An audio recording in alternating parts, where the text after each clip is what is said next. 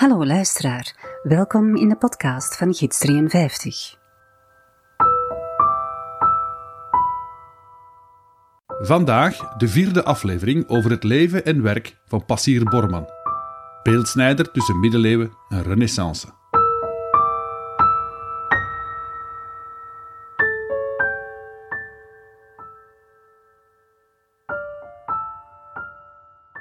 De vorige aflevering eindigde in Herentals, wanneer het contract werd ondertekend. De agent-ondernemer van Passier is ondertussen terug in Brussel met de nodige handtekeningen. Onmiddellijk wordt de productie in gang gezet.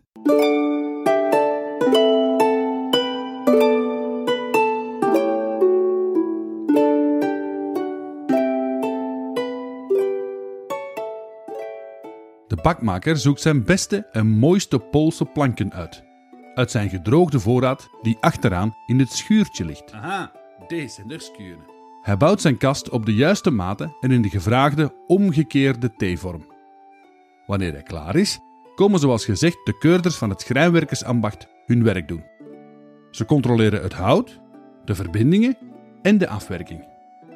Uit oude rekeningen weten we dat de schrijnwerker hen ook iets te eten en te drinken geeft. Scholen mannen. Hij moet ze te vriend houden, laten we zeggen.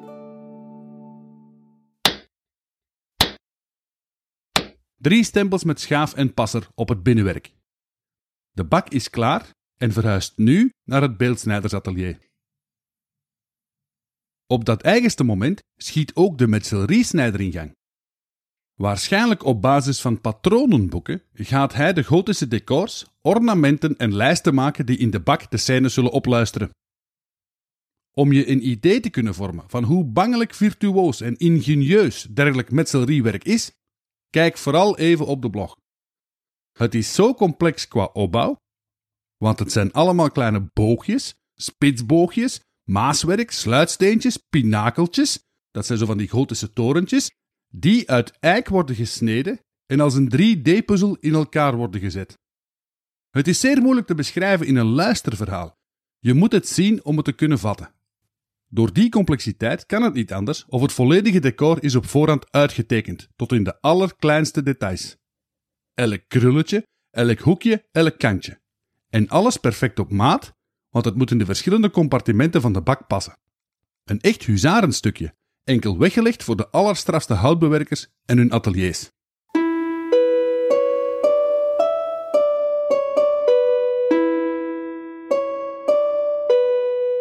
In het retabel van Herentals heeft de metselieriesnijder, wie het ook mag geweest zijn, ook de gebouwen voor zijn rekening genomen. De stad Soissons, de interieurs van de paleizen van Varus, tot in het allerkleinste detail gesneden, tot de waterspuwertjes aan de dakgoten toe. Verbluffend. Mij persoonlijk lijkt de kans heel reëel dat de metselrie grotendeels wordt gemaakt daar waar de bak staat, om op elk moment de stukjes live te kunnen in- en aanpassen.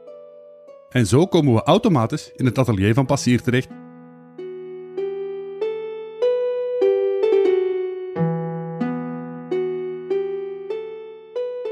Ik stel me al langer de vraag hoe een Borreman-atelier is georganiseerd. Hoe slaagt Passier erin, of voor hem zijn vader of broer Jan, om aan zoveel verschillende opdrachten tegelijk te werken? Ik heb al eens verteld hoe in een atelier slechts enkele leerlingen en knapen aanwezig mochten zijn, vanwege de gildevoorschriften. Maar ook de werkplaatsen zelf kunnen volgens mij niet al te groot geweest zijn. En al zeker niet in de dichtbebouwde Brusselse binnenstad. Op het einde van de 15e eeuw werkten duizenden personen in de retabelbouw, verdeeld over vele kleine meesterateliers en ambachten. De leden van de steenbikkelaars woonden en werkten in bepaalde straten rond het Sint-Godiksplein. Dat heb ik u al verteld. Zou het niet mogelijk zijn dat door die nabijheid er meerdere onafhankelijke beeldsnijdersateliers werkten voor passier? Meester-beeldhouwers die een opleiding bij een borman hadden genoten en dus helemaal in die stijl konden werken. En als dat zo was, dan hebben er meerdere ateliers tegelijk gewerkt aan het snijden van de figuren van Crispinus en Crispinianus. En laten we dan eens inzoomen in het atelier van Passier.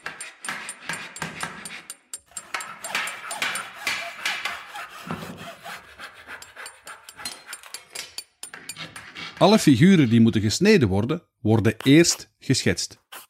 Ook hier maakt men gebruik van patronen.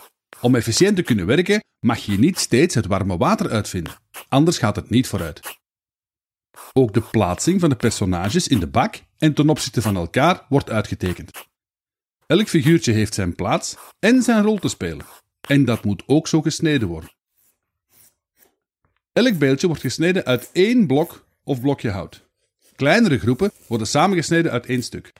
De ontwerpschetsen brengt men aan op het blok door middel van een soort ponssysteem met gaatjes. Kleinere onderdelen zoals handen en attributen snijdt men apart en later worden ze met kleine pennen aan elkaar bevestigd. Het te bewerken houtblok wordt vastgezet in een werkbank met twee opstaande stijlen en vastgemaakt met pennen. Als het beeld dan klaar is, zaagt men de overbodige pennen af. Bij Crispinus en Crispinianus is er ook gebruik gemaakt van een werkbank met ijzeren klemmen, die ongeveer een halve centimeter in de kruin en de onderkant van het beeld in het hout worden geduwd. Op het laatste veilt men dan die sporen weg. Toch zijn er nog afdrukken te vinden op de hoofdjes van bepaalde figuren die bewijzen dat een klemmenbank werd gebruikt door Passier Co. Door een blok in een werkbank te bevestigen, kan het van alle kanten bewerkt worden. Want mispak u niet, hè? Om uit een vol blok eikenhout een figuur te snijden, moet je als beeldhouwer een enorm 3D-inzicht hebben. Je moet het beeld op voorhand zien om het er te kunnen uithalen. En dan zwijg ik nog maar van de superrealistische afwerking met de vele, vele details in kleding en accessoires. Passier zelf, of de meesterleerling, snijdt waarschijnlijk de grote hoofdpersonages. Bij Crispinus en Crispinianus is er een tweede hand ontdekt, die de leerling met de uitpuilende ogen wordt genoemd, vanwege zijn figuren met wat bollere ogen dan de rest. Al de rest wordt gemaakt door de leerlingen en ingehuurde knapen, en dus hoogstwaarschijnlijk ook in verschillende werkplaatsen in de buurt. De meester hemzelf zal de uniformiteit dan wel moeten garanderen. Uiteraard, waardige naar gepast. Om op 10 maanden klaar te zijn, werken de ateliers tegen een enorm tempo. Niet tot laat op de avond, want dat is tegen de gilderegels. Voor de kleinste figuren en accessoires kan het bijna niet anders dan dat er een soort vergrootglas werd gebruikt. Een bol vensterglas of iets dergelijks. Zoals je dat soms kan zien op afbeeldingen van middeleeuwse boekverluchters. In de duistere ateliers werken de leerlingen en knapen bij het raam of bij kaarslicht. Uit archiefstukken weten we dat Passier en ook vader Jan de lonen van zijn personeel verhoogt met extra geld, bier en maaltijden om de deadlines voor levering te halen. Goeie vreedsen, hè? Hij soigneert zijn gasten, want zijn er goeie. Dus hij moet ze bij hem proberen te houden in een zeer competitieve retabelmarkt.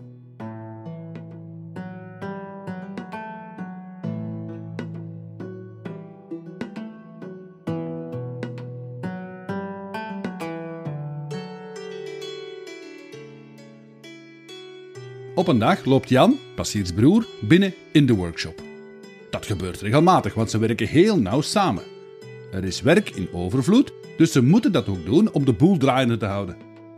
Sinds het overlijden van hun vader Jan runnen de broers het netwerk en verschaffen ze snijwerk aan vele tientallen beeldsnijders en ateliers.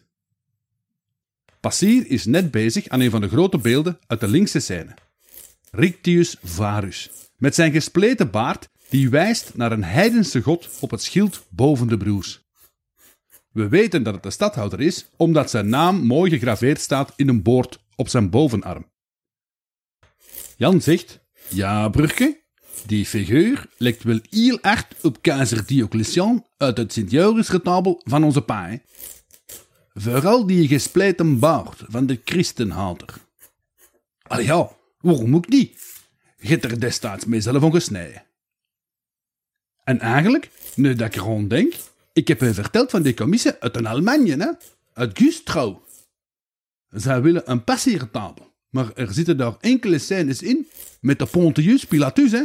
Wel, ik ga die nog zo snel. De Borremanstempel, de zo befaamde huisstijl, komt heel typisch tot uiting in dergelijke kruisbestuiving. Zo van die figuren die je in meerdere retabels ziet terugkomen. Ze waren deel van hun visuele handtekening, zelfs tot op de dag van vandaag. Want onder andere zo herkennen connoisseurs de hand van een borman. Dat Gustrouw-retabel zou trouwens het pronkstuk worden van Jan III. Wunderschön. Wirklich? En omdat hij het gesigneerd heeft, zijn we redelijk zeker dat het uit zijn atelier komt. De figuur van Varus is kenmerkend voor de virtuositeit en detailafwerking van het Crispinus en Crispinianus retabel. Aangezien het verhaal zich afspeelt in de laat-antieke periode, draagt hij een korte Romeinse tuniek met een soort mantel die er overheen gedrapeerd is. Tot in de kleinste details is zijn kleding afgewerkt. Van de fijne boorden met motiefjes en inscripties. Een van die inscripties leest Passier Borre, zijn signatuur, tot de flosjes van zijn mantel en de uiteinden van de tunica. De beenplaten en kniestukken zijn ultrafijn bewerkt. Zijn zwaard heeft een gevest met een zeer realistische katerskop. Varus Centroni is archilelijk, met een grote haakneus waardoor hij overal heel herkenbaar is. Wat een lelijkort. Evenals zijn platte hoed met grote broche en zijn joekels van oorbellen. Kortom, verbluffend. Ik kan het niet genoeg herhalen, beste luisteraar. Soms denk ik echt, al goed dat er geen verf op zit. Nu, experten vermoeden dat zo één beeld, een groot hè, tussen de 1 à 2 weken werk vraagt. Ik tel er tientallen in de verschillende scènes. U kan zelf wel uitrekenen hoeveel tijd dat er daarin kruipt. Dus, het lijkt mij sterk dat Passier alleen al die grote beelden heeft gesneden. Er liepen daar nog serieuze artiesten rond in dat atelier. Zijn maar zekers. De figuren zijn echte mensen. Veel meer nog dan bij zijn vader, die nog echt volgens laat-middeleeuwse conventies werkte. Bij Passier zijn de beelden voller, expressiever en levensecht. Kijken we nu eens naar die liefelijke broers. Ze zijn in de meeste scènes naakt. Wel met lendendoek, hè? Hun lichamen zijn in de juiste verhoudingen en je ziet hun spieren, hun huidplooien, tot de aders toe op hun armen en benen. Je ziet ze ook aftakelen doorheen het verhaal. Kortom, bij Passier zie je de wedergeboorte van de mens. Hij is de scharnierfiguur tussen de middeleeuwen en de renaissance. Je ziet dat ook aan de putties, zo van die lieflijke engeltjes die je tegenkomt in de Italiaanse kunst van die tijd. En later ook bij ons. Wel, plots staan die ook in het retabel. Een nieuwe tijd staat voor de deur en Passier heeft die deur al deels open gedaan.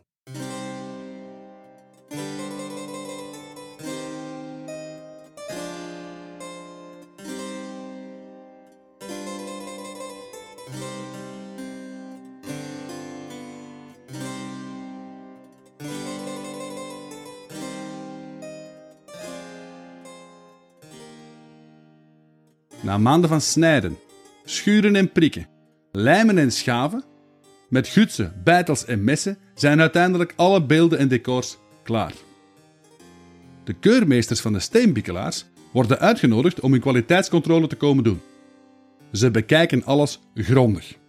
Op het einde van hun werk slagen ze driemaal hun koude metalen stempel in de kast. Het ziet er vrij goed uit. Drie drijfhamertjes staan er op het retabel als bewijs dat het beeldhouwwerk aan de hoogste normen voldoet. Verzekers, de chef-d'œuvre. Passier signeert het werk twee keer. Zoals gezegd op de mantel van Rictius Varus, maar ook op de zwaardschede van een van de beulen lezen we Passier. De plaatsing is niet toevallig, denk ik, want ook op het Sint-Joris-retabel van vader Jan en op dat van Gustrouw van broer Jan staat de handtekening op een zwaard van een beul. Ze keken goed naar elkaar, de leden van de Borreman-klan. Indien het retabel zou beschilderd worden, zou de polychromeur-schilder nu normaal aan het werk gaan. Maar zoals vroeger gesuggereerd, werd het kunstwerk niet beschilderd bij zijn conceptie.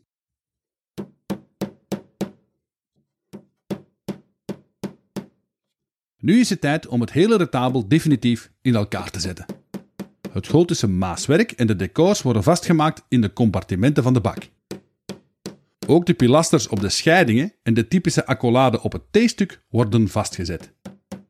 Per compartiment zet men de hoofdpersonages op hun plaats en nagelt men ze vast in de bak. De randfiguren, groot en klein, komen dan concentrisch rond de belangrijkste figuren te staan. Eén voor één en in de juiste volgorde krijgen ook zij een nageltje ter bevestiging. De beelden in de nissen op de pilasters worden ook geplaatst. Als een echte 3D-puzzel wordt het retabel stap voor stap in elkaar gezet, tot het laatste bloemetje of diertje zijn plaats heeft gekregen. Met grote scharnieren bevestigt men de luiken aan de bak. Wat zien ze er beeldig uit? Waren ze toch maar bewaard gebleven? Maar helaas. Het afgewerkte retabel staat met open luiken op de grote werkbank in het midden van het atelier. Passier kijkt met de nodige trots naar het resultaat. Ze hebben nogal retabels gebouwd. Maar deze is qua snijwerk misschien wel de strafste. Omdat de schoenmakers in Herentals het pas later willen laten polychromeren, komen de beelden prachtig tot hun recht. Meer dan één kruik goed bier wordt ontkurkt. De belangrijkste medewerkers klinken op hun succes. Allemaal En het is verdiend. Santé. Ieder krijgt ook nog een kruik mee naar huis als extra loon. Een deel van het loon in bier uitbetalen was een standaardpraktijk tot in de 18e eeuw.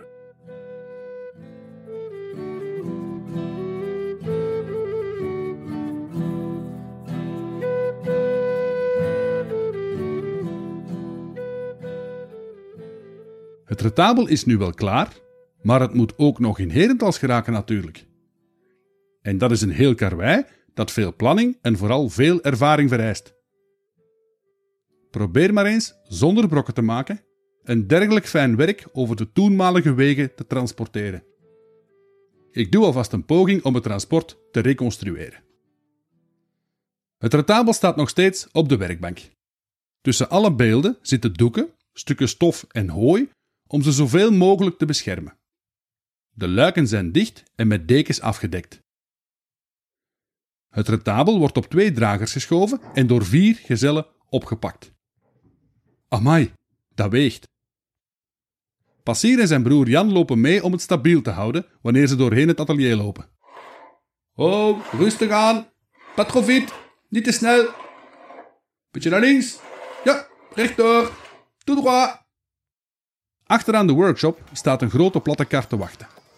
De bak wordt er heel voorzichtig opgeladen. Ja, zet maar neer op dra. 1, 2, 3. De zijplanken van de kar worden rechtgezet en de spanlinten rond het retabel aangetrokken, opdat het zo weinig mogelijk zou kunnen schuiven tijdens de rit.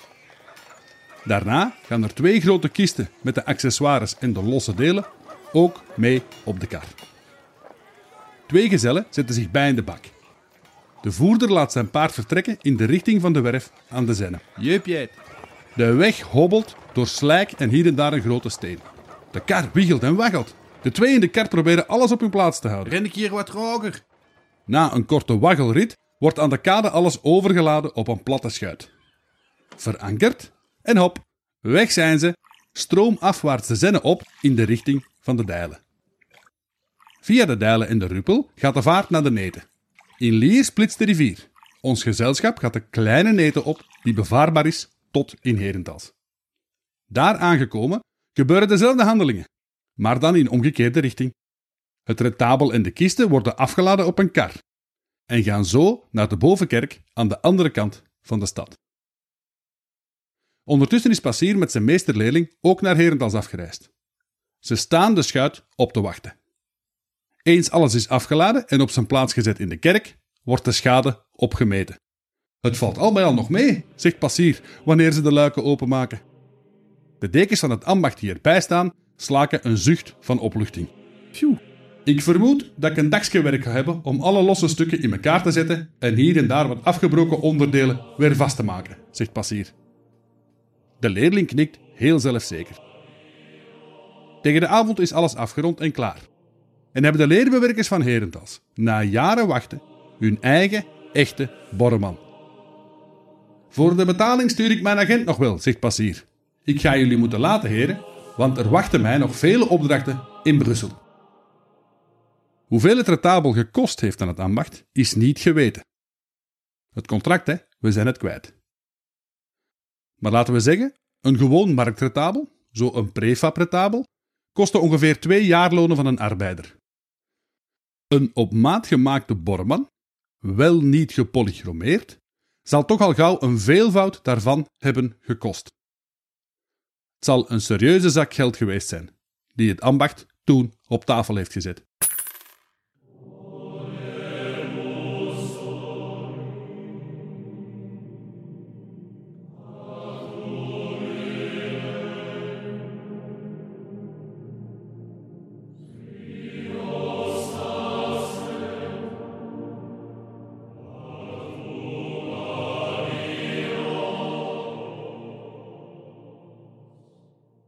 Nadat de betaling is geregeld, is de rol van passier Borman in Herentals uitgespeeld.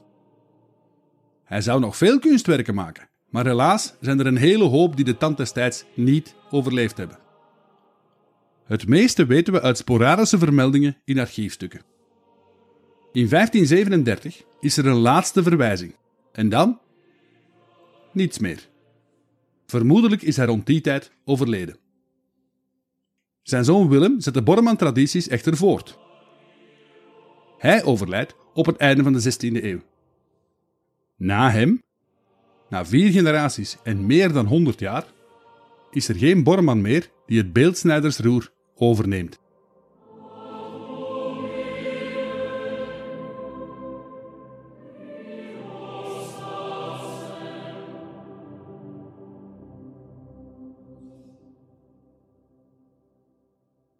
Persoonlijk blijf ik het heel straf vinden dat zo'n virtuoos kunstenaar bijna letterlijk uit de geschiedenis kan verdwijnen.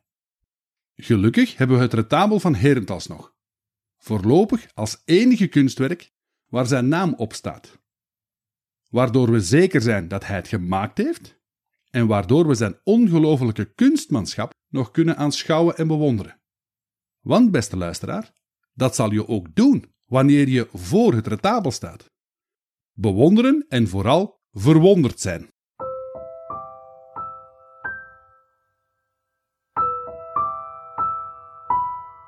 Dit was een podcast geschreven en verteld door Gids 53.